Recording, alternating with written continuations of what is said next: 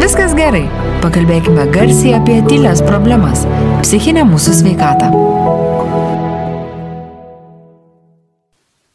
Tai sveiki visi. E, šiandieną mes kalbėsim savo podcastą apie paleidimą. E, apskritai dauguma mūsų pokalbių yra susijęs su pokyčiais mūsų gyvenime, kad mes jų arba turėtume imtis, arba kaip jų imtis, kaip pakeisti e, tam tikrus dalykus, poelgius, santykius e, ir panašiai. Bet visi tikriausiai puikiai žinom, kad labai dažnai vis lipam ir lipam ant to paties grėblio, tai yra atrodo kaip ir suprantam, kad reikėtų keistis, na bet neišeina. Atrodo, kad suprantam, kad tam tikri įpročiai mums e, nėra geri, bet vis tiek darom ir darom tą patį ir tą patį. Lygiai taip pat, kaip galbūt ir suprantam, kad tie santykiai su žmogumi, ar tai būtų draugi, draugai tolimesni, artimesni, ar, ar partneris, e, kad e, irgi neduoda nieko gero, bet paleisti yra sunku. Tai šiandieną mes pasikvietėme Brigitą. Labą dieną visiems. Labas, Brigita. Ir Eglė taip pat, aišku, yra. Taip, labas. ir pašnekėsim, kodėl svarbu paleisti santykius, įpročius, žmonės, kas tai bebūtų. Ir kas čia vyksta, kodėl mes taip sunkiai atsisakom kai, kai tu neringa pradėjai sakyti įžangą apie tuos senus grėblius, apie kad visą laiką užlipam ant tų pačių grėblių, aš iš karto prisiminiau istoriją. Yra toks labai fainas autorius, psichologas, jungistas James Hollis. Ir jis yra parašęs knygą, kodėl geri žmonės elgesi blogai. Jis yra anglų, rusų kalba išleista. Ir aš atsimenu, kai skaičiau tą knygą, jisai būtent rašė, kad žmonės nesikeičia žmonės tik tai galvoja, kad keičiasi, iš tikrųjų jie vis lipa ir lipa ant tų pačių greblių, tačiau keičiasi tik tai jų samoningumas. Jie lipa ant tų pačių greblių ir jau mato, kad ant jų lipa, bet nesikeičia. Ir aš niekada nepamiršiu, kai aš vienai savo klientai labai senai, būtent skaitydama šitą knygą, irgi papasakau šitą istoriją, kai jinai sakė, kad jos vyras e, nesikeičia, o jinai labai stipriai keičiasi. Ir aš pasakiau, kad šiaip žmonės dažnai nesikeičia, kad mes dažnai būnam tokie patys, tik labiau samoningi ir pasidalinau, kad aš irgi, pavyzdžiui, labai sunkiai keičiuosi. Atsimenu, jinai taip atsilošė, pasižiūrėjo ir sako, Brigita, tai gal čia jums nesiseka, aš tai keičiuosi. tai kažkaip iš karto priminė man šitą istoriją, kai pradėjai kalbėti apie tuos mūsų mėgstamus grėblius. Nes aš tikrai žinau, kad man tai tikrai labai lietai visas šitas procesas mm. vyksta ir kad tikrai aš pastebiu kartais, kad ir vėl čia tas pats kvailas įsitikinimas, bet kaip ant to paties užstringu, taip užstringu. Tai gal tada dar papasakotum, kas čia pas mus atsitinka, kodėl mes iš tikrųjų taip lietai. Mm -hmm. Gal ne mes, gal ne visi, gal. Na, vėlgi taip tiesiogiai teikti, kad lietai keičiamės, kaip kad sako, sakysim, Džeimsas Hollis, tai nelabai irgi aš pritarčiau tą jo nuomonę, nes turbūt priklauso nuo situacijų.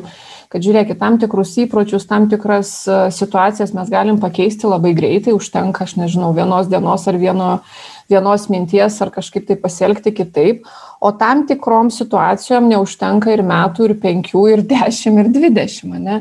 Ir kai mūsų tema yra apie tuos, sakysim, paleidimus arba pokyčius, arba, kad, nežinau, kažkokių situacijų užbaigimus, tai iš tikrųjų kiekviena situacija yra unikali ir tų priežasčių, kodėl mes nesikeičiam, arba kodėl mes negalim paleisti seno gyvenimo, arba kodėl mes negalim gyventi kitaip, tai yra tikrai, tikrai labai daug. Kaip gal tada pradėti suprasti, kada jau reikia, bet, nu, kad, kaip, kas, kokie vidiniai, nežinau, procesai gali išduoti, kad, nu, jau laikas galbūt paleisti. Mhm. Kad laikas būtų paleisti. Na, aš dažniau, galbūt man, mes kai kalbam apie paleidimus, tai aš jau dažniau galvoju apie tą situaciją, kai žmogus jau supranta. Kai žmogus jau supranta, kad tai manęs toksai gyvenimas nebetenkina, tokie santykiai manęs nebetenkina arba toks darbas manęs nebetenkina ir aš jau noriu užbaigti tai aš kažkaip daugiau apie tą va tokį, kada reikėtų pabaigti, kada reikėtų paleisti, man iš karto kažkodėl tai asociacija mhm. kyla su šituo. Na, vėlgi, aš tai visą laiką, aš daugiau to tokio holistinio požiūrio esu, kad suprasti, kada jau laikas pakeisti, tai kai aš sakau, kad jau bandžiau daug variantų, kaip čia padaryti geriau, bandžiau, jeigu tai yra su žmogum, kada jau laikas paleisti, tai sakysim kalbėtis arba bandžiau kažkaip tai spręsti tą problemą ir jeigu jau nebepavyksta arba kažkiek jau pavyko ir atsiranda, sakysim, situacija, kai jau reikia paleisti, tai nu, nežinau, nėra to vienintelio recepto, jeigu taip kalbėti abstrakčiai. Nes, na, nu, aš dabar dar galvoju, va, tos konkrečios situacijos, kad būtų mhm. aiškiau. Nes jo, kada, jo, jo, jo. kada va, mums reikia paleisti, tai, nu, aš man toks pirmas etapas atrodo, kad kai uh, skirtingose gyvenimas etapuose yra skirtingi žmonės aplinkui tave, ne? Mhm. Yra mokykla, pabaigi mokyklą, išvažiuoja studijuoti, dauguma žmonių nutrupa savaime.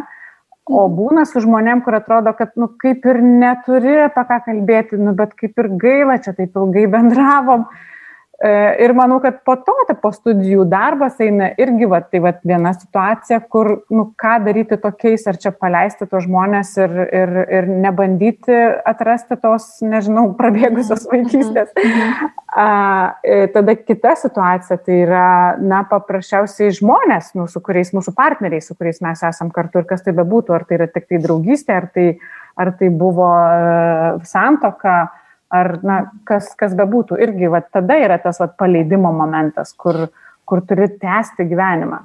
Na, kai mes kalbam apie mokyklos, darželio ar vaikystės draugus, tai man kažkaip iš karto irgi kyla asociacija, kad mes esam labai skirtingi. Ir kiek teko susidurti su klientais, sakysim, yra nemaža dalis žmonių, kuriems yra labai svarbu išlaikyti, labai svarbu išlaikyti atminimus apie vaikystę, apie mokyklą, palaiko ryšius su mokyklos draugais ir tuos ryšius tęsia, nesvarbu, ar jie turi dabar bendrų sąlyčio taškų ar ne. O kai kurie sako, kad aš negaliu nutraukti tos draugystės, man privaloma tai iš, išlaikyti. Tačiau yra žmonių, kurie paleidžia, kurie, sakysim, eina iš vieno gyvenimo etapo į kitą ir galbūt su tais vaikystės ar mokyklos draugais net ir nesusitinka. Kad tai labai labai įvairu. Tokio nėra vieno recepto, ar geriau išlaikyti mm. tuos draugus ar paleisti. Bet o kodėl mes negalim paleisti. Kas kelia tą sunkumą? Ar tai yra, nežinau, prisirišimas, baime, kad tu nieko geresnio nerasi. Čia gali kalbėti mm. apie viską, gali kalbėti apie draugus, apie darbą, apie partnerį. Na, ta prasme, bet ko, kokios tos pagrindinės baimės, kurios būtent stabdo žengti tą žingsnį, kad tu vis tik paleistum tai, kas tau gal netgi kažkiek ir kenkia. Mhm. Na, priežasčių tai gali irgi būti labai daug. Aš netgi prieš laidą taip sėdėjau ir pasigalvojau, tai gavosi apie 11-12 priežasčių, kodėl mes to negalim padaryti.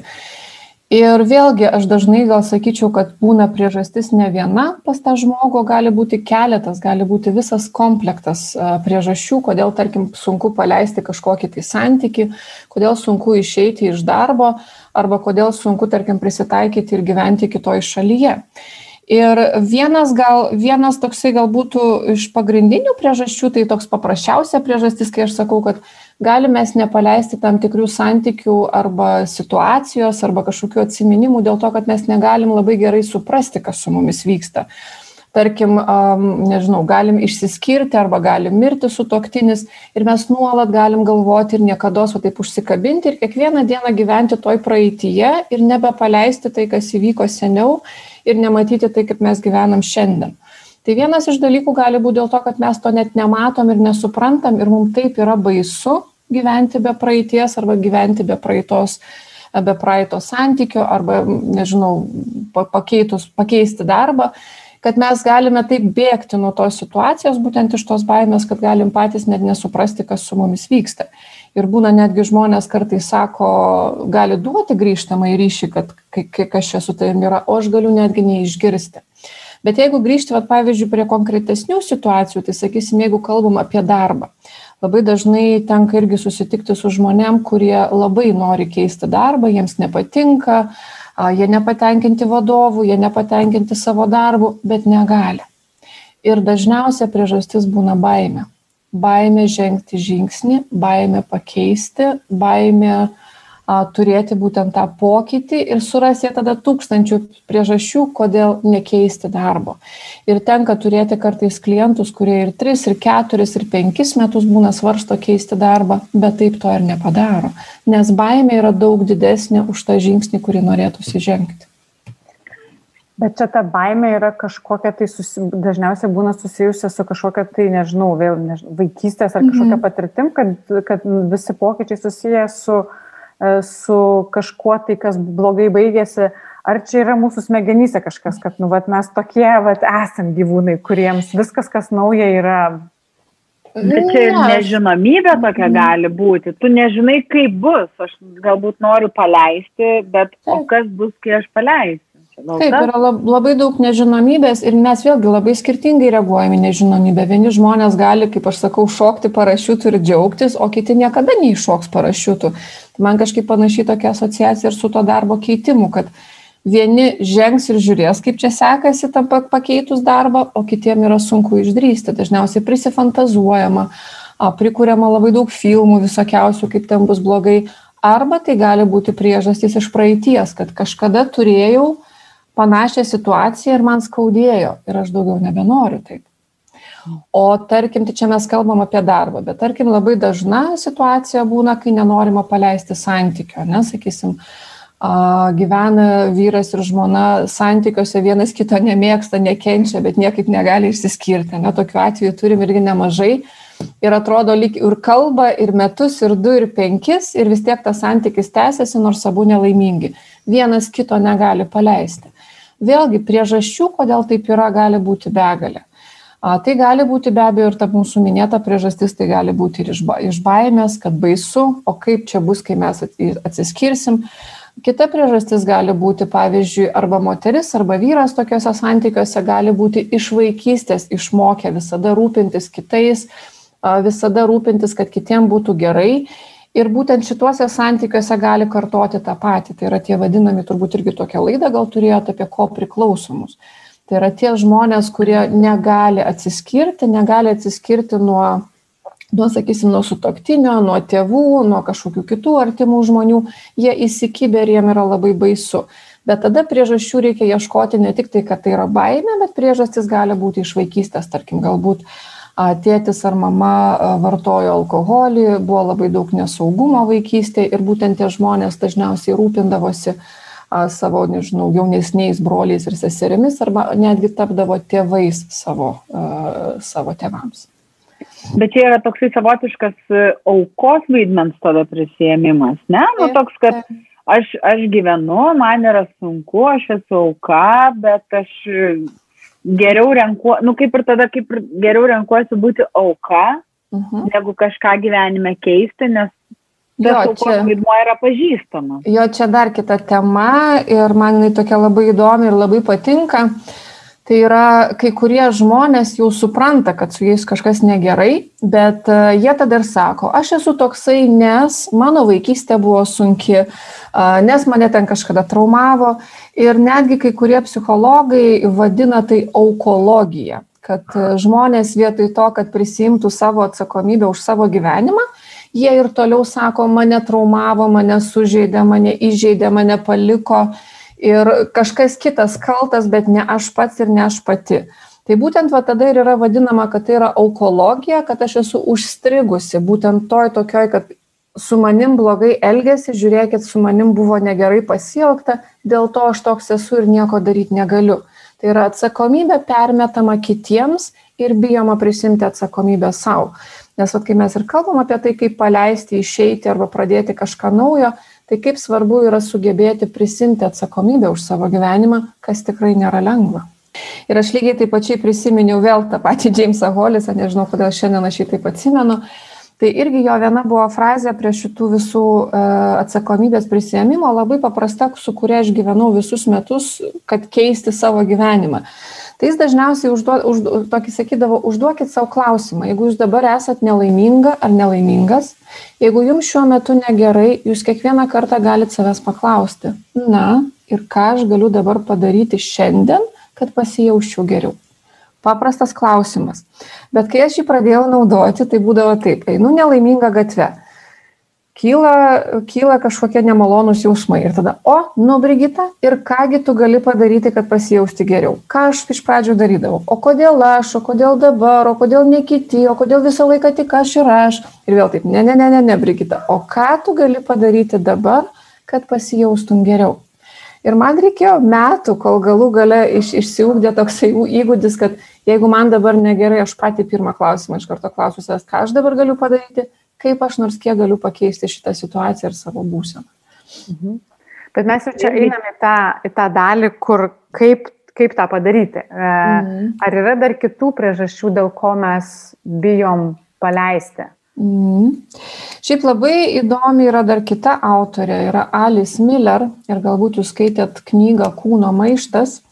Tai jinai labai įdomiai e, tyrinėjo suaugusius e, žmonės terapijoje, kodėl vieni ateina, dirba, tarkim, santykiai su tėvais, e, kada jie buvo skriaudžiami arba mušami arba turėjo labai sunkę vaikystę. Kodėl vieni keičiasi ir gali atleisti savo tevam ir paleisti šitas nuoskaudas, o kita dalis vaikų, suaugusių vaikų to padaryti negali. Ir jinai pradėjo tyrinėti daugiau ir kaip paaiškėjo, tai yra ta dalis, kuriai pavyko pritaikyti tas taisyklės, tos mūsų įsitikinimus, kad tevam reikia atleisti, nesvarbu kokie jie yra. Jis dar remiasi ir kad krikščionybei būtent pas mus yra tokios taisyklės, kad tevam visą laiką reikia mhm. atleisti. Tai tie žmonės, kurie iš tikrųjų tuo tiki ir kurie galėdavo pilnai, kaip aš sakau, kaip yra lietuviškai, gal pas, būtų žodis kūniškai ir kūnų gali atleisti, ne tik tai protų, bet ir jausmais, tie susitvarko. Tačiau kita dalis klientų negalėdavo to padaryti, jie protų atleidžia, o kūnas priešinasi.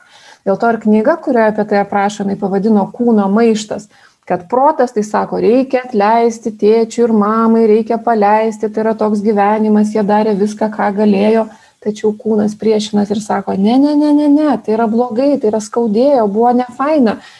Tai jinai tada, aišku, siūrė tokį visiškai radikalų būdą, jinai sakydavo, jeigu nesigauna atleisti, tai tada galima pasiūsti. Ta prasme, atsiskirti, nebebendrauti, nebūti su tėvais.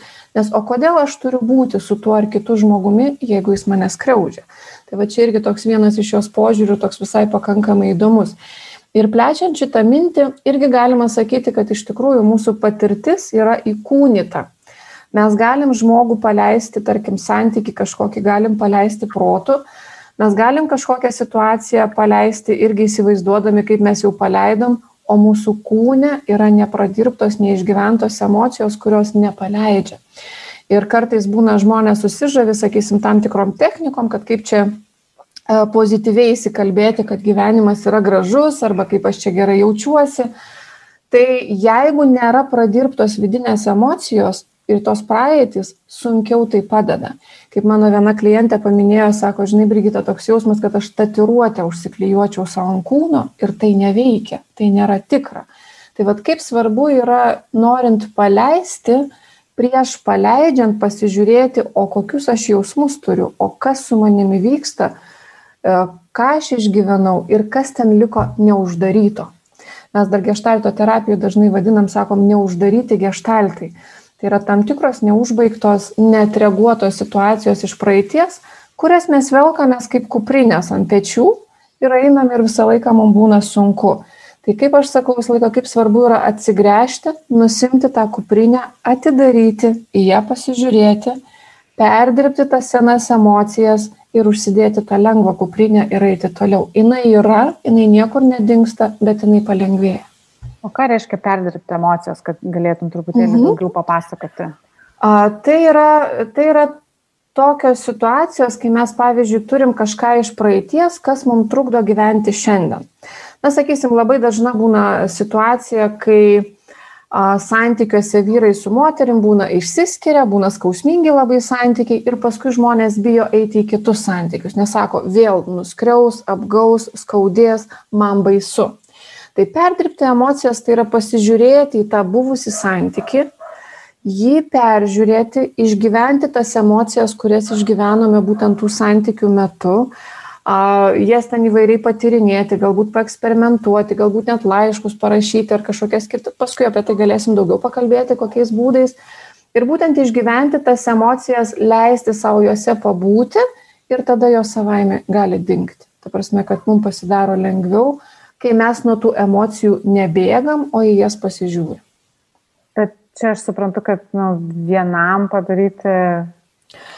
Vienam sunkiau, aišku, geriau yra tai padaryti su specialistu, kuris gali padėti kažkaip pasižiūrėti, bet kaip aš sakau, jau kelis kartus pabandžius ir išmokus, tikrai galima tai padaryti ir pačiam. Tik tai reikia nu, taip pakankamai būti sąžiningu pačiam su savim. Tarkim, vienas iš paleidimo būdų, tikrai klasika ir galbūt daug kas esat girdėję, Tai yra parašyti laišką tam žmogui, kurio jūs negalit paleisti. Parašyti laišką tai situacijai, kurios jūs negalit paleisti. Tai yra ir nebūtinai tą laišką. Nebūti, jo, tik nebūtina atiduoti tą laišką. Ne, ne, ne. Tikrai nebūtina, čia kaip yra tas humoras, kur, kad šitą parašyti laišką ir ten sudeginti, tai sako, gerai, žmogus sudeginau, ką daryti su laišku, ne? Gal girdėjo tokį anegdotą. Tai galima taip, galima parašyti tą laišką ir jį galima neišsiųsti, jį galima paskui ritualą kažkokį atlikti paleidimo, galima jį išmesti, galima jį sudeginti galima jį suplėšyti, kaip tik tai jau ten paskui žiūri pagal situaciją, kaip, bet tarkim, jeigu be specialisto pagalbos, tai tikrai vienas paprasčiausių būdų yra, kad paleisti, tai išrašyti. Galima laišką parašyti žmogui, o netgi yra vienas iš būdų paprastas toks iš kūrybinio rašymo, tai yra laisvasis rašymas. Tai yra rašyti viską, kas skauda, kasdien rašyti, kas tik tai kyla, kokios mintis. Tiek pati tai dariau, tiek klientam rekomenduoju po savaitės, dviejų mėnesių ar pusmečių, priklausomai nuo situacijos ir žmogaus, galima nurimti. Tas laisvas rašymas, būtent visko išrašymas, kaip ir paleidimas, irgi padeda. Tai gal mes tada ir keliaukim tai per tas priežastis, kokios dar tos priežastis yra, sakai, kad tu jų turi 11, kokios, kokios jos yra ir tada va taip po mhm. truputėlį galim jas ir mhm. apsišnekėti. Tai būdų, kaip aš ir minėjau, tas vienas, buvo, vienas iš būdų buvo, kad neįsisamoninam, patys nesuvokiam, kas su mumis vyksta ir mes negalim paleisti. Bet dar yra vienas toksai, va irgi iš terapijos, ypač labiau tai pastebėjau, kad būna koks nors vienas įvykis gyvenime, kuris paskui sukelia kitose situacijose, kad mes kažkur tai pastringam. Pavyzdžiui, pavyzdžiui, gali būti, kad vaikystėje, sakysim, netyčia, netikėtai žuvo tėtis ar mama ir paskui aš santykiuose, būdama e, kituose santykiuose, jau užaugusi, galiu kažkokioje tai vietoje pastrikti. Ir visai tai iš pradžių gali būti visai net nesusiję dalykai, bet giliau ir stipriau pasižiūrėjus galima būtent tas priežastis atrasti, kad viena iš priežasčių, kodėl mes nepaleidžiam, tai yra būtent kažkokios tai kažkokie tai vienas arba keli stipriai traumuojantis įvykiai gali būti iš vaikystės. Tada dar viena priežastis, kaip minėjau, tai yra tos neuždarytos situacijos, kurių gali būti daugiau, e, kur mes, kaip ir minėjau, kad gestalto terapija turim tą tokią savoką neuždaryti gestaltai. Tai yra kaip svarbu žiūrėti, kurios situacijos iš praeities mums šiandien trukdo ir kaip jas perdirbti ir paleisti. Na ir dar yra žmonių labai irgi įdomu, gali dabar irgi klausydami kiekvienas pasidaryti tokį savo testą, kur jūs daugiau laiko praleidžiat gyvendami pat šį momentą. Ar jūs dažniau einate į praeitį, ar jūs dažniau planuojate ateitį, ar jūs dažniau gyvenate tuo, kas vyksta šiandien. Toks labai paprastas, mažas, bet labai paprastas ir, ir įdomus Geras. testas. Jo. Mhm. Ir mano pastebėjimas labai įdomus. Tam tikri žmonės gyvena tik praeitimi. Tam tikri žmonės gyvena tik tai šviesių rytojų. Nesvarbu, ką jie šiandien padarys, bet kol tas šviesus rytojus neteis, jie nuolat gyvena tam rytojui. O būtent pasgi gyvenimas mūsų vyksta šiandien.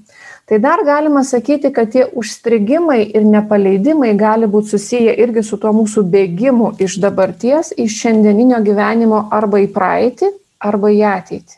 Tai va šitas irgi yra, kad tada dažniausiai yra kalbama terapijoje, sakysim, kas tokio vyksta tavo gyvenime šiandien, kad tu bėgi į praeitį arba kad tu bėgi į ateitį ir kada bus ta diena, kai tu sustosi.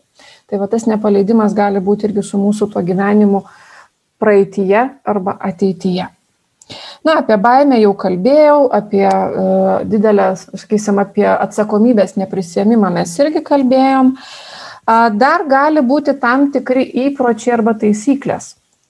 Pavyzdžiui, gali būti, aš augu kokio nors šeimoje ir man yra sukurtos taisyklės, kaip reikia gyventi. Tai aš galiu nepaleisti tam tikrų mhm. situacijų, nes kitaip negalima. Aš privalau taip gyventi, sakysim, privalau kažkokį tai a, įprotį turėti ir kažkokių tai taisyklių laikytis. Tai gali būti nepaleidimas susijęs ir su, a, ir su auklėjimu. Mhm. O man dar labai įstrigo tas metodas, kur sakai, kad gyvenam arba praeitį, arba ateitį, e, bet ne dabartį. O čia dažniausiai būna susijęs su tuo, kad ta, ta dabartis yra per daug nepatinkanti, kad joje nenorim būti, ar kad nemato žmonės paprasčiausiai, ką turi aplinkui. Vėlgi dažniausiai tenka patirinėti, su kuo tai gali būti susiję, bet viena iš priežasčių tikrai gali būti tas toksai įprotis iš seniau atsineštas arba kai kurie žmonės užstringa praeitį, nes praeitie galbūt buvo saugiau, galbūt buvo kažkoks gyvenimas geresnis, fainesnis, įdomesnis ir šiuo metu kažko tai trūksta. O galbūt tai yra bėgama į ateitį, pavyzdžiui, labai dažna situacija esu pastebėjusi, kai klientai bėga į ateitį, nes vaikystėje, kai gyveno, buvo sunku išbūti šitame momente, o būtent bėgimas į ateitį padeda palaikyti, padeda įkvėpti ir išbūti. Ir... Taip. O kaip yra va, tas bėgimas į ateitį? Tai yra kas? Mhm. Tai yra nuolatinis gyvenimas svajonėmis? Taip. E, Pavyzdžiui, kai aš turėsiu ofisą New York'e, aš būsiu laiminga. Kai aš nuvyksiu į Meksiką, aš būsiu laiminga. Kai aš įgyvendinsiu tą ir tą svajonę, būsiu laiminga. Ir šiuo metu irgi turiu keletą klientų, kurie ir įgyvendina tas svajonės ir ateina, sako, taigi dabar atsitiko taip, kaip sakėjai sakei, kad visko gali būti, kad nes, pasidžiaugia gal sekundę ir paskui vėl negerai. Ir vėl iš karto kažkur tai į ateitį nauji planai. Tai aš visą laiką... Ieškai, ieškai, bet o kodėl negerai? Va, jau kaip taip. Gerai, bet tada, nu, o tai kas tada galėtų būti, ne? Ir aš tada užduodu visą laiką tokį paprastą klausimą, o kada bus ta riba, kai bus gana? Ir labai dažnai atsakymo nebūna, sako, geras, neturiu atsakymų. Mm. Sakau, va tada, kai suprasi, kur yra ta riba, kada jau užtenka ir tu gali būti laimingas, galbūt tada ir, atspasi, gal tada ir įvyks pokytis, nes taip niekada mes nebūsim laimingi, jeigu būsim tik tai nuolat fantazijose. Bet sakau, tas, tas projektavimas į ateitį, tas noras būti ateityje, jis irgi yra susijęs su to žmogaus istorija, tai nebūna šiaip su. Mhm. Man gerai, neringas susimastėjai. jo, aš galvoju, kaip su tais dar, mm, su, su tais vat, paleidimais, o, nes nu kartais atrodo, vat, kaip tu sakei, kad nu, žmonės sako, nu bet vat, aš tokia esu, vat, man patinka vat, taip vat, daryti ir arba patinka vat, rūpintis kitais. Nu, vat, mm. Ir čia nėra jokia blogybė, vat, nu, vat, geras dalykas yra. Ir vat, kur, vat, kaip suprasti, Nes, nu, kas, nė, kas nėra blogai, to nereikia taisyti. Bet kaip pat suprasti, kad ar būna taip, kad žmonės net patys nesupranta, kad tai jiems nėra gerai. Bet jie reikia lysti tada. Bet jeigu žmogus daro, žinai, bet ten aukojasi, aukojasi, aukojasi ir tai jam tai tenkina pats gyvenimas, tai yra viena, bet kai žmogus nesitenkina tuo gyvenimu ir visada sako, o Jėzus ir vėl ten turėjau ir ten tam tą padaryti ir tą padaryti, tada tarsi šaukia gailesti kažkokį, tai, tai tada jau turbūt gal nėra gerai. Jo, kad vienas iš kriterijų, ką mes jau kalbėjom irgi ne vienoje laidoje, kad vienas iš kriterijų, kada jau reikia keisti arba kažką daryti, tai yra, kai aš pats labai blogai jaučiuosi. Kai man, sakysim, nežinau, skauda galva, suka pilva, uh, labai prasta nuotaika, nuolat jaučiuosi išsekęs, reikėtų atkreipti dėmesį, kas tada mano gyvenime ne taip, kad aš taip jaučiuosi, nes būtent jausmai ir emocijos duoda signalus, kad kažkas yra negerai, jeigu aš blogai jaučiuosi. Mm. O kitas dalykas, tai be abejo svarbu yra atkreipti dėmesį ir į kitų žmonių pastabas. Nes kartais, kaip pat ir neringa, tu sakai, kartais taip gali būti, aš galiu gyventi, man gali tai atrodyti normalus gyvenimas ir tiktai kitų žmonių išgirdusi pastabas, aš galiu pastebėti, kad oho, bet tai tikrai tai, kaip aš gyvenu, yra nenormalu. Tai prasme, kad mums kartais reikalingi yra kiti žmonės, kad mes suprastumėm, kad kažkas tai buvo ne taip. Ir dažniausiai, va, aš esu tokių irgi istorijų girdėjus, kad mes suprantam, kad kažkas mano šeimoje arba mano aplinkoje ar mano gyvenime yra ar buvo negerai, tik tai girdėdami kitų pasidalinimus. Tarkim, teko girdėti tokią istoriją, kad vienas vaikas sakė, aš ilgai galvojau, kad mano šeima yra normali, kad viskas su manim yra gerai, tik paskui, kai išgirdau, kad kitų vaikų per veidą kasdien nemuša, tik tada supratau, kad mano gyvenimas nenormalus. Iki to laiko man atrodė, kad tai yra ok. Tai va čia yra toks kaip pavyzdys, kad kai mes nuo vaikystės gyvenam kažkokioje sistemoje, mums atrodo, kad visi taip gyvena, kad tai yra normalu. Ir tik susitikę dažniausiai, ar ten jau darželio vyresniai, kokioj grupiai, ar mokykloje, ar paauglystėje, ir vėliau mes pradedam pamatyti, kad, na, ne viskas normalu, kaip aš gyvenau. Čia ne apie visus, aišku, kalbu, bet kaip suprasti, ne, kad ir jeigu aš jau gaunu tą grįžtamą į ryšį ir matau, kad oho, tai tada jau irgi reikėtų kažką tai žiūrėti ir daryti. Nes jeigu nepaleisi, bet ką tas nepaleidimas daro mum? Mhm. Vėlgi, toks abstraktus būtų atsakymas. Nes toks, nežinai, kad kuprota grabas iš tiesis, nu, ta prasme, nu taip ir eisim, gal visi nugyvena, ar mes nugyvensim nepaleidžiam. Man viena terapeutė patiko, kai jis sakydavo, jeigu ateina klientas, nori keistis, bet nieko nedaro, tai aš irgi nieko nedarau, sėdžiu ir laukiu. Sėdžiu ir laukiu, kada jo gyvenime bus labai blogai kai bus labai blogai, jis pats pradės keistis. Tai va tas ir toksai, kad irgi, jeigu žmogus negali paleisti, jeigu jam visiškai sunku paleisti ir jis plus minus kažkaip tvarkosi, tai gal to ir nereikia. O yra tokių atvejų, kai žmonės ir pradeda keisti ir gali nepavykti. Vėlgi čia tas toks sakau, bet daugiau toks abstraktus mhm. atsakymas, kad, kad kaip, kaip ir ką daryti, kai nėra konkretesnių situacijų. Jo, aš dabar vat, galvoju, kaip čia tas e, konkretesnės situacijas būtų galima įvesti. Va, ta prasme, va, nu, man akivaizdžiausia tai yra su žmogaus paleidimu. Va, kaip suprasti, kad tu nepaleidi žmogaus, kad problema yra tame, kad tu dar vis... Aha, va, dabar labai konkretus klausimas. Mhm. Labai dažnai būna su žmonėm, kad mes negalim kažkokio tai vieno žmogaus, tai gali būti kolega, tai gali būti sutoktinis, tai gali būti draugas, tai gali būti partneris, kas norite, ne? Arba ir, ir mes negalim jo paleisti. Tai labai paprastai galima pastebėti, kas vyksta. Mes nuolat apie tą žmogų galvojam, mes nuolat sukam įvairius meninius filmus, mes dažnai jį galim matyti sapnuose, kaip kalbamės, kaip kažkas vyksta būtent su tuo žmogumi. Ta prasme, tas žmogus mus iš tikrųjų mūsų viduje nepaleidžia, mes negalim jo paleisti. Ir jeigu tas žmogus užima labai daug laiko mano gyvenime viduje, bet išorėje aš jo nematau, sakysim, jau galbūt mūsų santykiai yra išsiskyrę, mes esam nebebendraujam, tarkim, ar kolega, ar artimas žmogus, bet aš nuolat suku tuos meninius filmus. Tai va čia ir būtų tas toksai nepaleidimas. Kad tada jau tikrai reikėtų susimastyti ir kažką tai daryti, nes kodėl jisai uh, trukdo gyventi, kai jo šalia nėra. Mhm. Mhm. Tai va dabar ir prieėm, tai kaip čia dabar sudeginti, išrašyti ir sudeginti.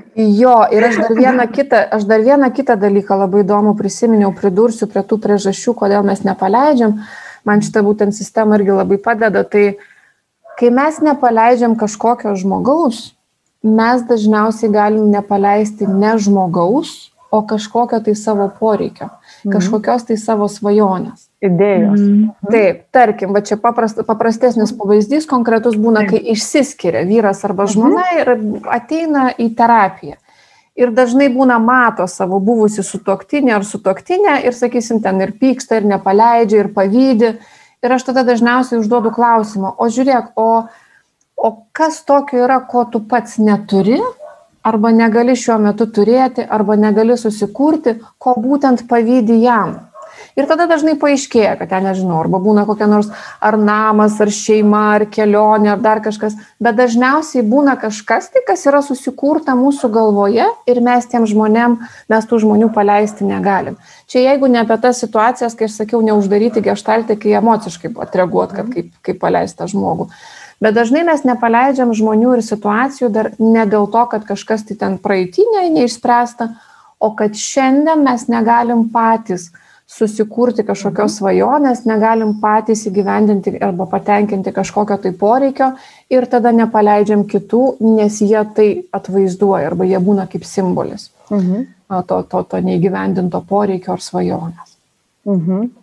Aš kažkaip atsimenu, e, aš kažkokį pokalbį liktai klausiau, kur vat, būtent irgi buvo kalbama apie tą priklausimą nuo kito žmogaus, kad sako, tada, kada tu pats su savim atrandi kažkokią harmoniją, kada tau pačiam su savimi yra gerai, tada tu nebetampi priklausomas nuo kito žmogaus. Nes dažniausiai mes juk būname ne tai, kad jaučiamės priklausomi nuo kito žmogaus, bet mes tiesiog e, norime to jausmo, kurį mes jaučiam, vat, kai, kai esam kartu ir atrodo, kad su savim, tarkim, aš taip gerai vat, ne, ne, negaliu būti. Tai čia pirmiausiai, nu, bent jau taip, skaič, aš skaičiu ar klausau, nepamenu dabar, kad, kad tu pirmiausiai turi surasti kelią ir būdą, kaip tau pačiam su savim turi būti gerai. Taip, taip. Tada tau jau ir su kitais bus ok viskas. Ir nebus to per stipraus tokio prisirišimo.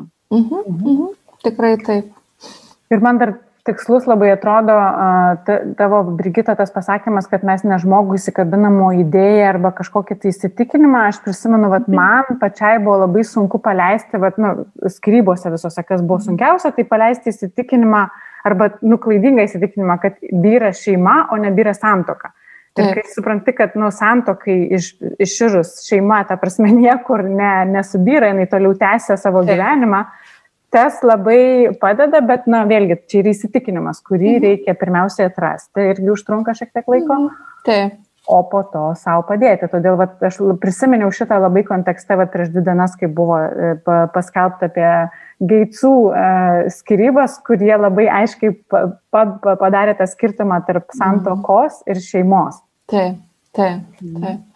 Jo, va čia irgi neringa tai, ką tu paminėjai, tada jau jeigu perinant prie tos temos, ką daryti, tai jeigu mes jau matom, kad tai yra įsitikinimas, kad va, turim kažkokį įsitikinimą, tai be abejo tada jau geriausia taikyti visokiausius būdus, kaip tuos įsitikinimus keisti. Ne? Vieni, sakysim, naudoja afirmacijas, tai yra tam tikri sakiniai, e, kurie padeda kažkaip irgi keisti savo realybę, nes tie įsitikinimai mes juos irgi turim arba iš praeities, arba iš kažkokių patirčių ir ne visi įsitikinimai yra ok. Pavyzdžiui, gali žmogus paleidęs kažkokius santykius jaustis blogai ir galvoti, kad aš esu negeras. Tai jeigu čia tik kaip pavyzdys paprastas, mhm. tai kaip afirmacija būtų, sakysim, kad kartoti savo kasdien aš esu pakankamas arba aš esu pakankama, viskas su manim yra gerai geriausia dar žiūrint į veidrodį ir vat kars nuo karto vis tas tokias afirmacijas kartoti. Tai nemažai yra literatūros apie tas afirmacijas, kad kaip vat būtų galima keisti a, savo įsitikinimus ir kartu palaikyti save. Dėkingumo yra praktikos, kas, naud, kas mėgsta ir naudoja, kiek žinau žmonių, kad irgi, kai sakysim, vakare prieš einant miegot, padėkoti už kas šiandien gero buvo, ką aš gero patyriau, pamačiau, a, už ką aš galiu būti dėkingas tai nėra tik tai kažkoks ritualas, kaip aš sakau, kaip malda ar kažkas religinio, ne, tai yra toksai fokusas į tai, kas mano gyvenime yra gerai ir kuo aš galiu pasidžiaugti, toks irgi kaip palaikantis dalykas. Bet aš noriu šitą vietą sustabdyti tave, Brigita. Mhm. Man šitoje vietoje labai e, noriu sudaryti tokią išnašą su to dėkingumu, kad jo, jis nebūtų pakeičiamas, prasme, kad pykčio išraiška nebūtų ne, pakeičiama iš, nes labai dažnai ateina ta tokia pozityvi psichologija, mhm. kad, na, va, ta prasme, jeigu pyksti ant tėvų, tai būk jiems dėkingas. Ir ta prasme, rodyk tą savo ir atrodo, kad, nu, tu pirmiausia turi pajausti tą pyktį ir leisti savo, po to tai dėkingumas. Dėkingumas ir afirmacijos, jos visos tinka tik tada, kai mes vėl grįžtam prie to klausimo, kur aš minėjau, kai mes pasižiūrim į situaciją, kuri buvo praeitie ir kuri buvo sudėtinga kai mes išgyvenam visus jausmus, kurie buvo ten ir tada, kai mes, juos, kai mes nuo jų nebėgam, kai mes galime būti ir galim išjausti tą pyktį ir kažką su juo padaryti. Ir tik tada jau sekantis žingsnis gali būti tas dėkingumas arba kažkokios tai kitos tos tokios praktikos. Tikrai taip.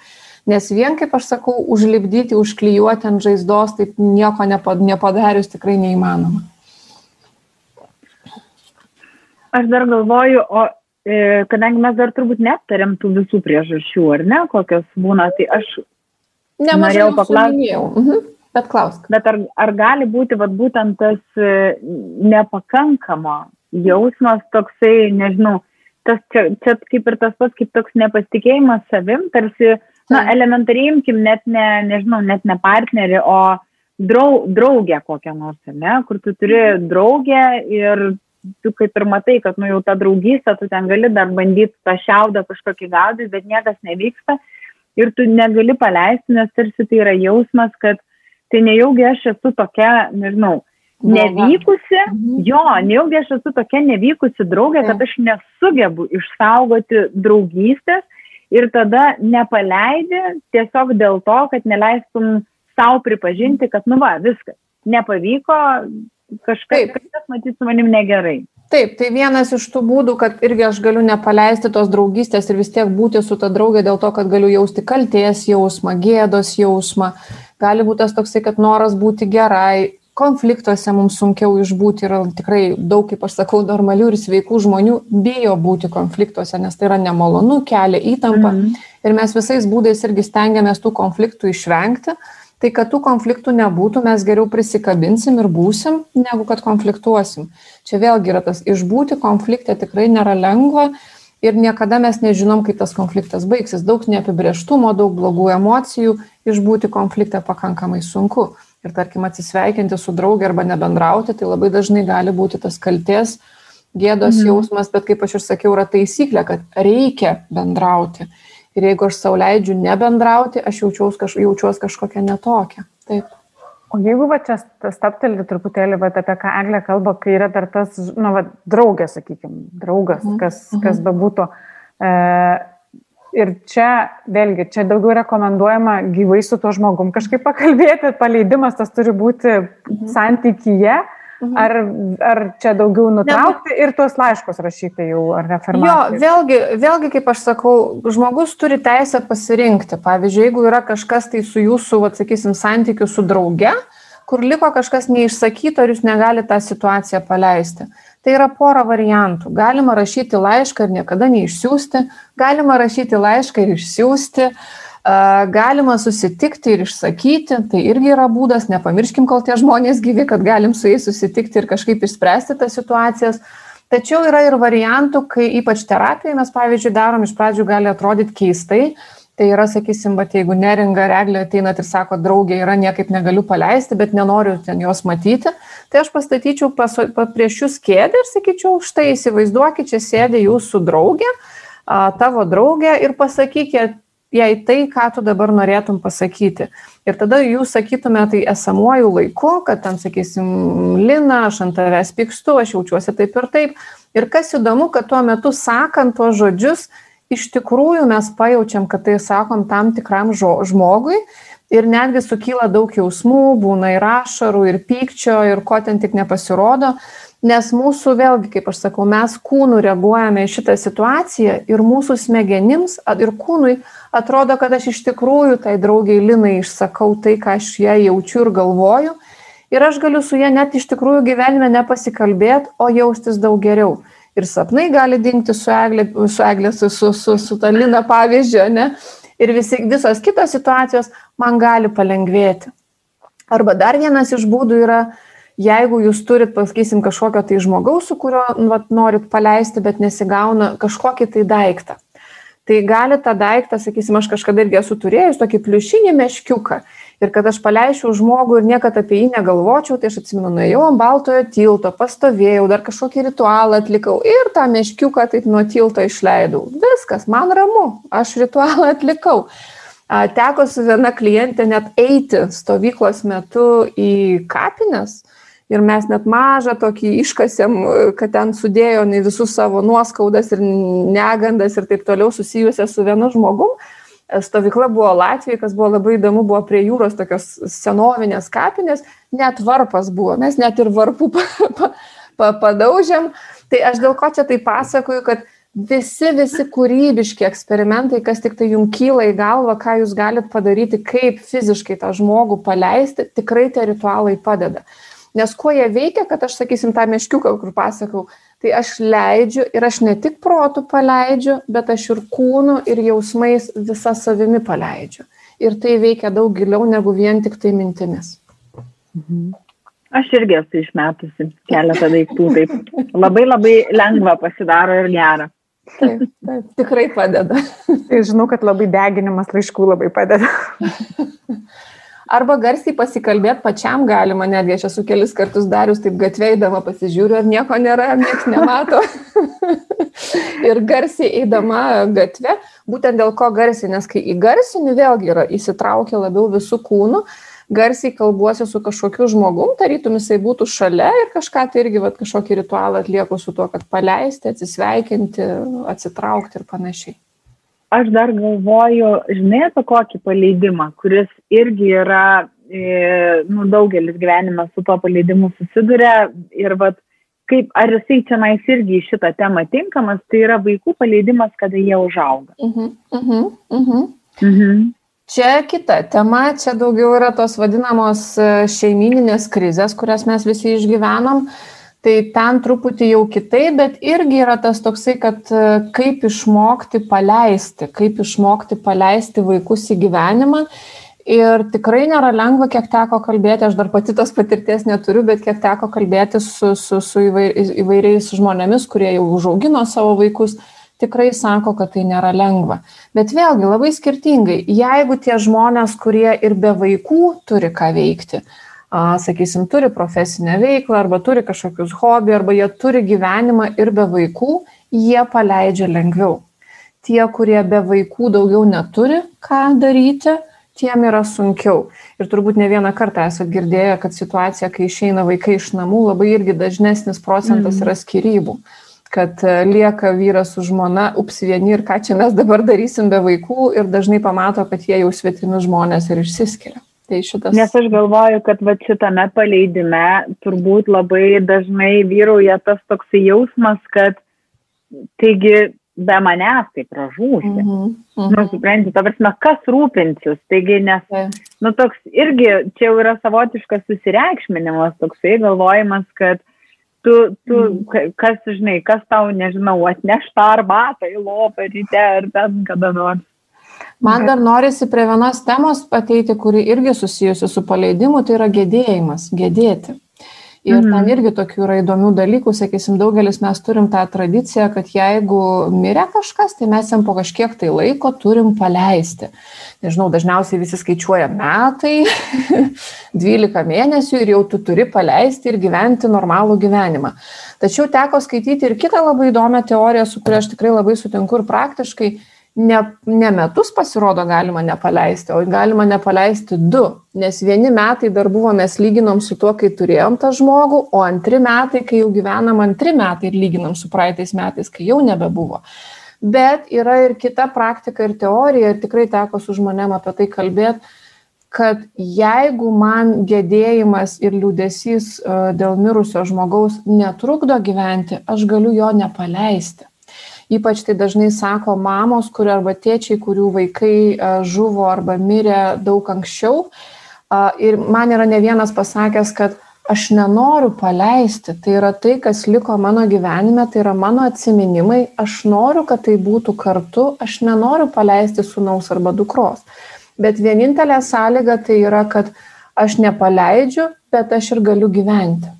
Turiu omenyje, kad galiu eiti į darbą, galiu bendrauti su žmonėm, ne tik tai užsidarau ir nieko nematau, nes yra ir tokių atvejų, kai ateina po, po būtent gedėjimo metu arba daug, nu, sakysim, daug vėliau jau po mirties artimo žmogaus ir tada žmogus yra užstrigęs, neina iš namų, a, su niekuo nebendrauja, tai tada, sakyčiau, yra problema. Ir dar apie paleidimus irgi į tą pačią temą. Paleisti ir gedėti galima ne tik tai žmonių, ne tik tai santykių, paleisti galima ir gedėti svajonių, jaunystės, sveikatos mhm. ir panašių dalykų. Ir pasirodo, ten irgi vyksta įvairių dalykų, at, pavyzdžiui, tarkim, kai žmogus susirga, ne, kad jisai gedi ir atsisveikina, paleidžia sveikatą arba tą buvusį gyvenimo būdą.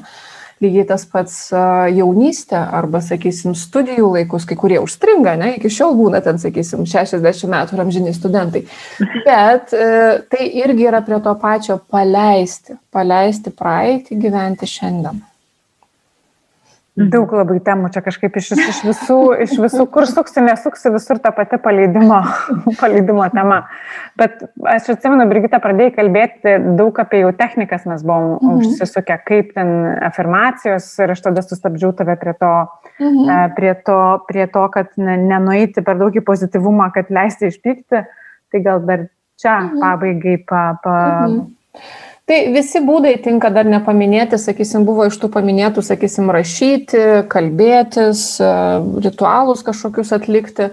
Tai lygiai taip pačiai dar tinka ir tam tikros kūno praktikos, sakysim, negi kartais tinka visiškai pasileisti muziką garsiai ir iššokti, judesiais kažkokiais tai paleisti, Vat būtent, būtent daugiau įtraukti kūną nes yra tikrai atvejų buvę, kai, sakysim, klientai labai daug ką supranta, labai gerai įsisamonina, bet vis tiek negali paleisti.